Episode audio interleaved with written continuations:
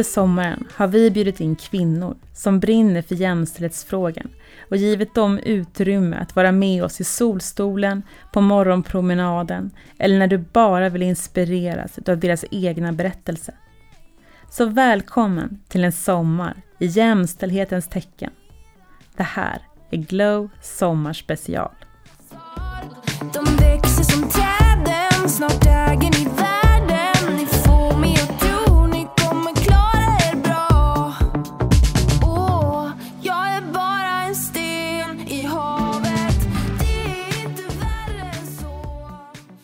Vad gör du för att Sverige ska bli ett jämställt land? Mitt namn är Maria Högberg och jag är VD för Framtidsverket och grundare av Glow. Och den här frågan har jag ställt mig själv många gånger. Har du? Jämställdhet är inte en fråga för vissa. Alla är viktiga. Och där räknas hon, han, hen och alla andra in. Och där räknas jag in. Ibland är det dock svårt att veta vad man exakt ska eller kan göra för att nå en förändring. Inte bara sminka grisen när det passar, utan på riktigt bidra. Mitt motto i livet har dock alltid varit det är bättre att göra något än att inte göra något alls. Det här är min berättelse om hur Glow för ett år sedan började ta form.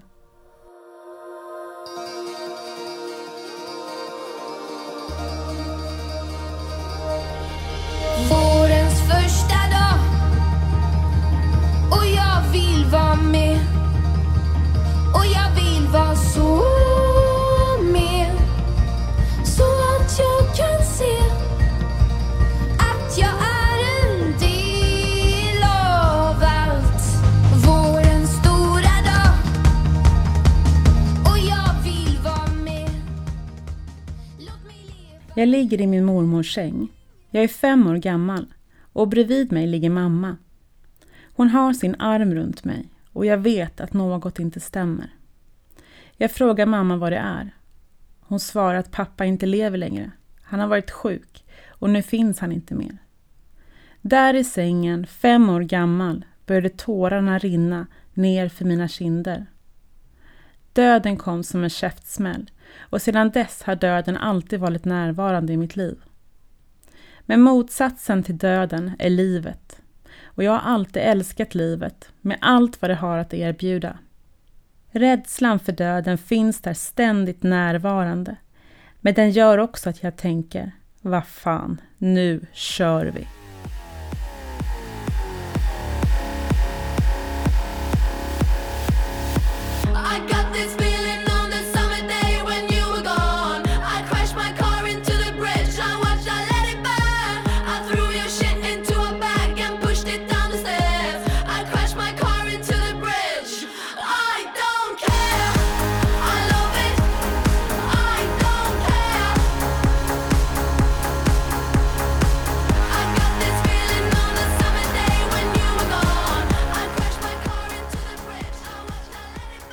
Jag är uppvuxen med min mamma, syster och min mormor som alltid varit närvarande. Min mormor var en fantastisk människa. Smart, allmänbildad och kul. Hon gillade att röra om i samtalet och hon kunde säga saker som jag tyckte var spännande och som fick min värld att förändras. Hon tittade ofta på mig och sa Det är något speciellt med dig Maria. Jag vet inte vad hon menade, men hon fick mig att känna mig speciell och värdefull. Min mamma är också en fantastisk förebild. Jag minns hur hon, som då jobbade som dagisfröken, bytte däck på bilen själv, målade om vardagsrummet om hon tröttnat på färgen och klättrade upp för fasadställningen när huset skulle målas om. Alla sysslor var hennes. Det fanns ingen uppdelning av vad en pappa eller mamma gjorde. Hon gjorde allt och hon gjorde det bra. Hon såg till att jag och min syster fick samma förutsättningar som alla andra och det jobb hon gjorde kommer jag vara evigt tacksam för. Jag tror att jag utifrån det alltid tänkt att om jag vill ha något så måste jag jobba för det och det har alltid varit en självklarhet för mig. Jag började jobba tidigt för att tjäna mina egna pengar. Jag har aldrig velat att någon annan ska försörja mig och framförallt så minns jag att jag alltid velat skapa det jag upplevde saknades. Som barn skrev jag böcker jag ville läsa, hittade på egna sporter och bakade utan recept. Vilket i och för sig gjorde att det smakade fruktansvärt, men jag lärde mig något. Det finns personer som vet hur man bakar och jag kan följa deras lärdomar för att få njuta av en härlig kaka. Jag hittade även på mycket bus och hyss för att jag inte kunde låta bli. Redan som barn trivdes jag med att få måla upp min egen väg utan att följa förutbestämda regler och instruktioner. För mig har det alltid varit otänkbart att någon skulle betala min drink på krogen, försörja mig eller sätta stopp för det jag velat göra. Självklart har jag tvivlat många gånger, tänkt varför ska jag? Men någonstans så kommer alltid klart du ska, som en bumerang tillbaka och innan jag hinner tänka efter så är jag i full gång igen. Jag har haft turen att jag har haft chefer som under min karriär trott på mig och givit mig utrymme till att utveckla affärer, tankar och strategier. De flesta har varit starka kvinnor som tagit plats, utmanat, men även gjort att jag har vågat utvecklas. En av mina kvinnliga chefer sa ofta till mig mitt jobb är att låta dig få så mycket utrymme det bara går för att du ska kunna göra allt du vill. Då förstod jag inte vad hon menade, men idag är det något av det finaste jag fått höra. Av dessa har jag lärt mig att inte be om ursäkt, att saker går att förändra, bara man inte ger upp.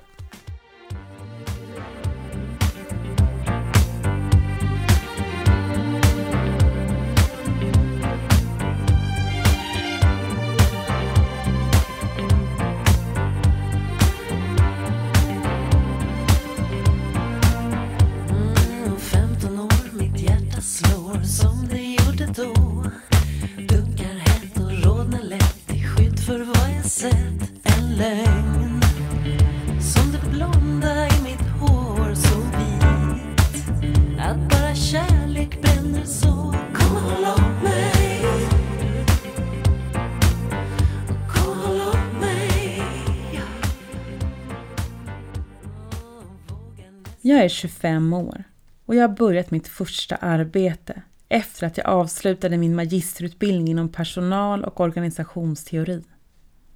Jag har börjat på ett bemanning och rekryteringsföretag inriktat mot bygg och anläggningssektorn. Ett par veckor tidigare träffade jag VDn för ett bolag och nu vill hon träffa mig igen. Jag möter upp henne i receptionen, vi tar en kopp kaffe och sen tar vi hissen upp till översta våningen. Vi sätter oss i två fåtöljer och tittar ut genom de stora fönstren som vetter ut mot gatan. Utanför ser jag hustak och hon frågar mig massa saker. Vad jag har studerat, vad jag vill framöver och vilka frågor som intresserar mig. Hon är vänlig och samtalet flyter på. Och jag slås av att jag sitter här med henne som är VD för ett stort bolag. Vad handlar mötet om egentligen? Ska jag ta upp min powerpoint-presentation? Det känns inte som att det är rätt tillfälle. Samtalet fortsätter och helt plötsligt säger hon Maria, vi kvinnor har bestämt i hemmen så länge jag kan minnas och det är bara en tidsfråga innan vi bestämmer inom arbetslivet också. En rysning går genom min kropp. Hon ler mot mig. Vi dricker upp vårt kaffe och avslutar mötet. Det blev ingen affär. Det var inte det som var meningen med mötet. Hon ville säga mig något. Hon ville ge av sin tid för att berätta för mig att vi befinner oss i en mansdominerad värld, men det behöver inte förbli så. Förflyttningen har börjat och jag känner hopp. Detta möte återkommer jag till ofta i mina tankar Mötet som lämnade mig med massa nya tankar och funderingar. Tankar om förflyttning av maktstrukturer. Funderingar kring den där meningen hon sa med ett leende på läpparna. Jag tänker, jag tar den bollen. Jag kommer göra något åt det när tiden är inne. Och sedan den dagen tänker jag varje gång jag hamnar i en situation där jag inte får utrymme. Vänta ni bara. Snart händer det. Jag slatt och tre Jag kan vara helt besatt. Och fyra Gå till arv från skratt på fem. Jag kompromissar knappt så sex Spring hem. Dig snabbt kan lista mera För jag är komplicerad. Ah, ah,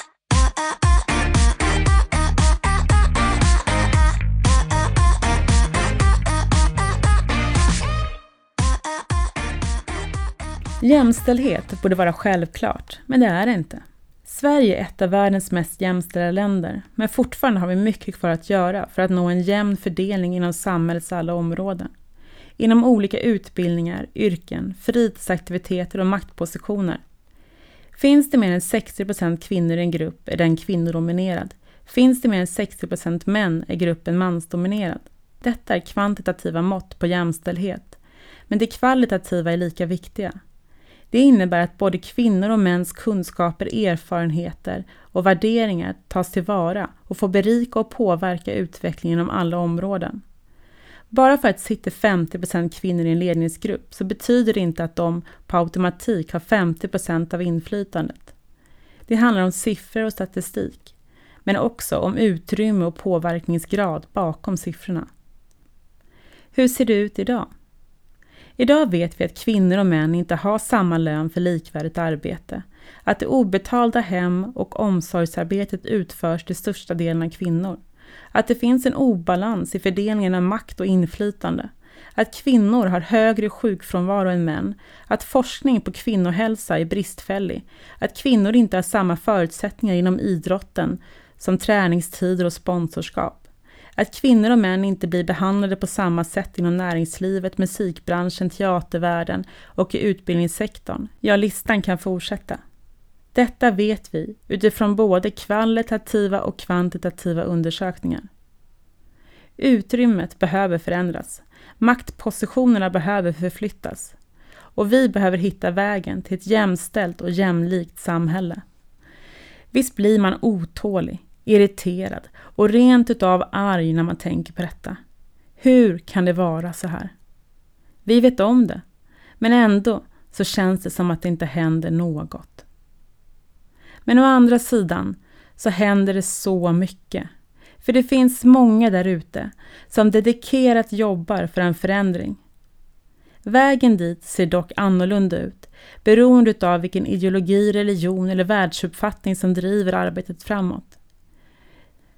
Så vilka ser vi upp till, lyssnar till och influeras utav? Vilka kvinnor ser vi som förebilder i Sverige när vi går in i 2020? De är inte statsministrar, men de är makthavare. Det här är något som jag måste ta reda på.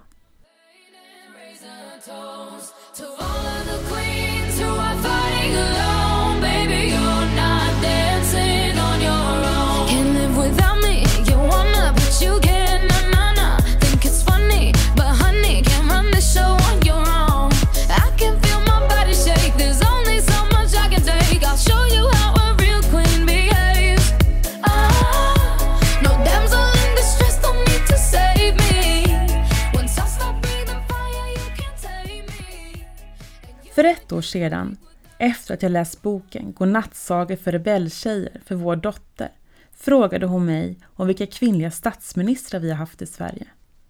Vi har inte haft någon, svarade jag. Varför? svarade hon. Nästa morgon under en barnvagnspromenad i vårsolen kom en sån där boomerang som jag tidigare pratade om med en otrolig kraft. Helt plötsligt började alla mina tidigare erfarenheter, tankar och diskussioner med andra flyta ihop och nyfikenheten om vilka kvinnliga förebilder vi har i Sverige föddes.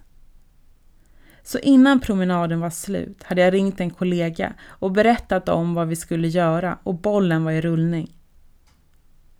Under tidig höst 2019 genomförde vi en stor undersökning där vi frågade Vem är din kvinnliga förebild i Sverige? Vi fick fram en lista på 51 kvinnor som ses som förebilder idag. De är inte statsministrar, men de är makthavare. De påverkar, influerar och i vissa fall provocerar oss. Genom Glow vill vi lyfta dessa personer, uppmärksamma och ge kraft så att de ska fortsätta orka gå före, inspirera, men även göra misstag som andra slipper göra. Jag kan inte heller undgå tanken på hur det kommer se ut om 10, 20, 30 år framöver. Vilka kvinnliga förebilder har vi då? Och vad har dessa lyckats göra, förändra och inspirera till? Under detta år har jag även intresserat mig för fler kvinnor som gör ett fantastiskt arbete och som bidrar till ett mer jämställt samhälle. Och de här kommer jag också intervjua. För alla har sin pusselbit i framtidens pussel och tillsammans blir det många bitar som skapar en helhet. Dessa förebilder har inte alltid samma svar på hur vi når ett mer jämställt samhälle men det de har gemensamt är att de är kvinnliga förebilder 2020. Och jag vill inte i detta blanda in mina personliga åsikter och vem jag tycker har rätt eller fel, utan jag vill lyfta fram dem enskilt och tillsammans och ta mig tid till att förstå vad som driver dessa och vad de vill åstadkomma framöver. Framtiden är imorgon, om ett år och om 50 år. Jag kan inte påverka den tid som varit, utan bara lära mig utav den och använda mina lärdomar in i framtiden. En framtid där förflyttningen har resulterat i att det ges utrymme inom samtliga områden.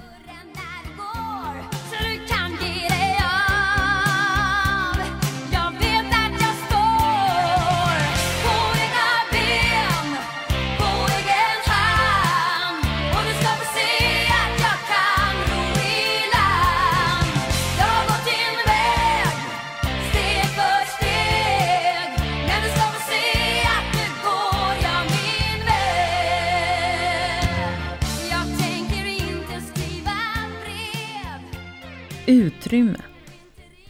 Ett ord som både kan vara specifikt och generellt. Utrymme kan handla om plats för någon eller något. Utrymme kan också vara frihet att tänka eller vara sig själv.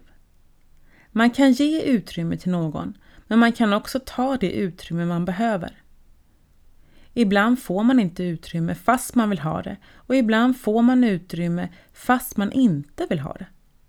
Ibland ger någon en möjlighet till större utrymme och ibland ger du utrymme till någon som inte trott att det fanns ett större utrymme. Jag kan sammanfatta min karriär hittills på många olika sätt. Men något jag ser att jag alltid har gjort är att skapa nya utrymmen som inte tidigare funnits. Nya arenor, nya platser och nya tankar. Ibland har det inte varit något nytt utan kanske något som inte fått utrymme, som jag försökt skapa utrymme åt. Ibland själv, men vanligtvis tillsammans med andra. Under min karriär har jag skapat Sveriges största karriärevent för och om offentlig sektor, som i år skulle varit på fyra orter i Sverige och besökts av 3000 studenter på respektive ort. Framtidsskalan, där vi lyfter upp personer inom offentlig sektor som har gjort betydelsefull skillnad för vårt samhälle. Offentligsektor.nu, som är en digital plattform som belyser jobben och karriärvägarna inom offentlig sektor, för att bara nämna några. Om vi ser utrymme som ett så kan det bli fullt. Men genom att skapa nytt utrymme så öppnas också möjligheten att fylla det med det vi önskar. Jag vill inte klämma in mig i befintligt utrymme. Jag passar bättre till att skapa nya utrymmen, där jag får plats och kan ge plats till dem som utrymmet är till för. Oavsett så kommer förflyttningen att ske. Det som tidigare fick mycket plats kommer få mindre och genom att minska oönskat utrymme så kommer önskat utrymme att växa. På bekostnad av vad som tidigare tagit plats på bekostnad av vem som tidigare tagit utrymmet och på bekostnad av vad vi tidigare belyst. Det byggs ett nytt samhälle varje dag. Varje dag tar vi nya beslut. Vi får nya tankar och en ny dag börjar. Om vi gjorde fel igår så betyder det inte att vi behöver göra det idag eller imorgon. Vi kan förflytta oss och det ser jag som en fantastisk kraft. Möjligheten till förflyttning ger mig hopp. Det är intervjuer jag har fått förmånen att göra och på så sätt få ta del av allt som görs känner jag hopp utav. Av de 51 kvinnliga förebilderna som röstas fram görs det förflyttningar inom politiken, inom digitaliseringen, inom idrotten, inom musikbranschen, inom komiken, teatern, på TV och på många fler arenor. Det ger mig hopp om ett jämställt Sverige där förflyttningen är på gång. Och det är inte en dag för sent.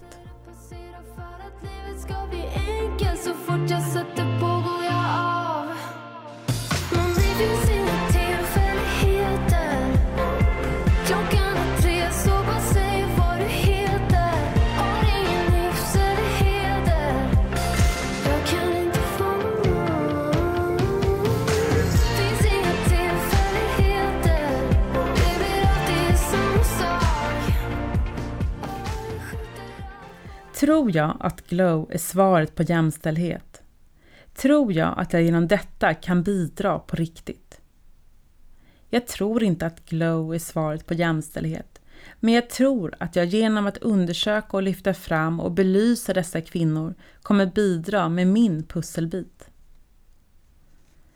Så nu står vi här 2020 och i min hand har jag en lista på 51 framröstade kvinnliga förebilder. Tanken var från början att det skulle bli 50. 50 för 50 procent av utrymmet. Men två förebilder fick lika många röster och det blev 51. Jag tänker att det kanske inte är en slump. Samtalet med den kvinnliga VDn för flera år sedan om att förflyttningen är på väg. Jag dricker återigen mitt kaffe och känner hoppet inom mig. Jag kan ge utrymme. Vi kan göra förflyttningen och hoppet delar vi alla. Jag är tacksam för att jag redan som barn fått leva nära starka och driftiga kvinnor. Jobba tillsammans med intelligenta och handlingskraftiga kvinnor. Fått förtroendet att lyssna till andra tankar och funderingar och framförallt fått möjligheten att lyfta kvinnor och kvinnliga förebilder i Sverige. Ibland är det stora handlingar och mod som skapar förändring. Ibland är det lagstiftning. Ibland att fler går samman och ibland kan det vara att man ser någon göra något som förändrar. I vissa fall är det bara en mening, en timme av sin tid eller bara ett par ord. Vi behöver lyfta alla former av insatser.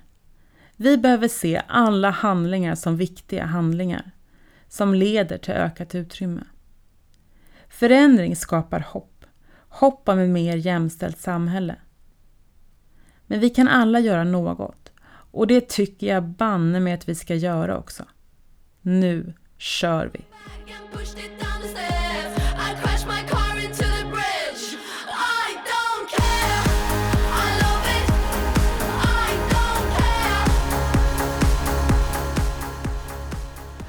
Det här var första sommarspecialen av Glow och tack för att ni har lyssnat.